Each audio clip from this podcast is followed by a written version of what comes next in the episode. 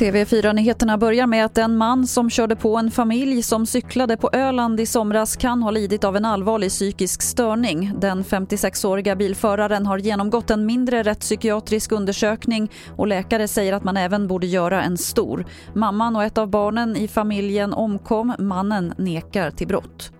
Så till USA där flera myndigheter nu säger att det inte finns några tecken på valfusk och att det här valet var det säkraste i USAs historia.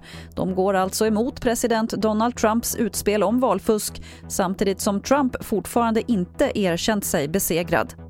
Eh, nej, det finns ingenting som tyder på att han är villig att ge upp, men det talas mycket om en splittring i Vita huset och även senatorn Lindsey Graham, som ju är en gammal supporter till, till Donald Trump, säger nu att eh, Biden bör få tillgång till de här underrättelsebriefingarna som är ett av problemen eh, på grund av den här blockeringen. Det sa Stefan Borg som är på plats i USA. I takt med att coronapandemin tagit ny fart så ökar också trycket på 1177 igen. Och precis som i våras har Vårdguiden tvingats införa krisläge för att kunna korta telefonköerna när folk ringer för att rådfråga om corona. Just nu ligger väntetiden för att komma fram på runt 30 minuter. Det var det senaste från TV4 Nyheterna. Jag heter Lotta Wall.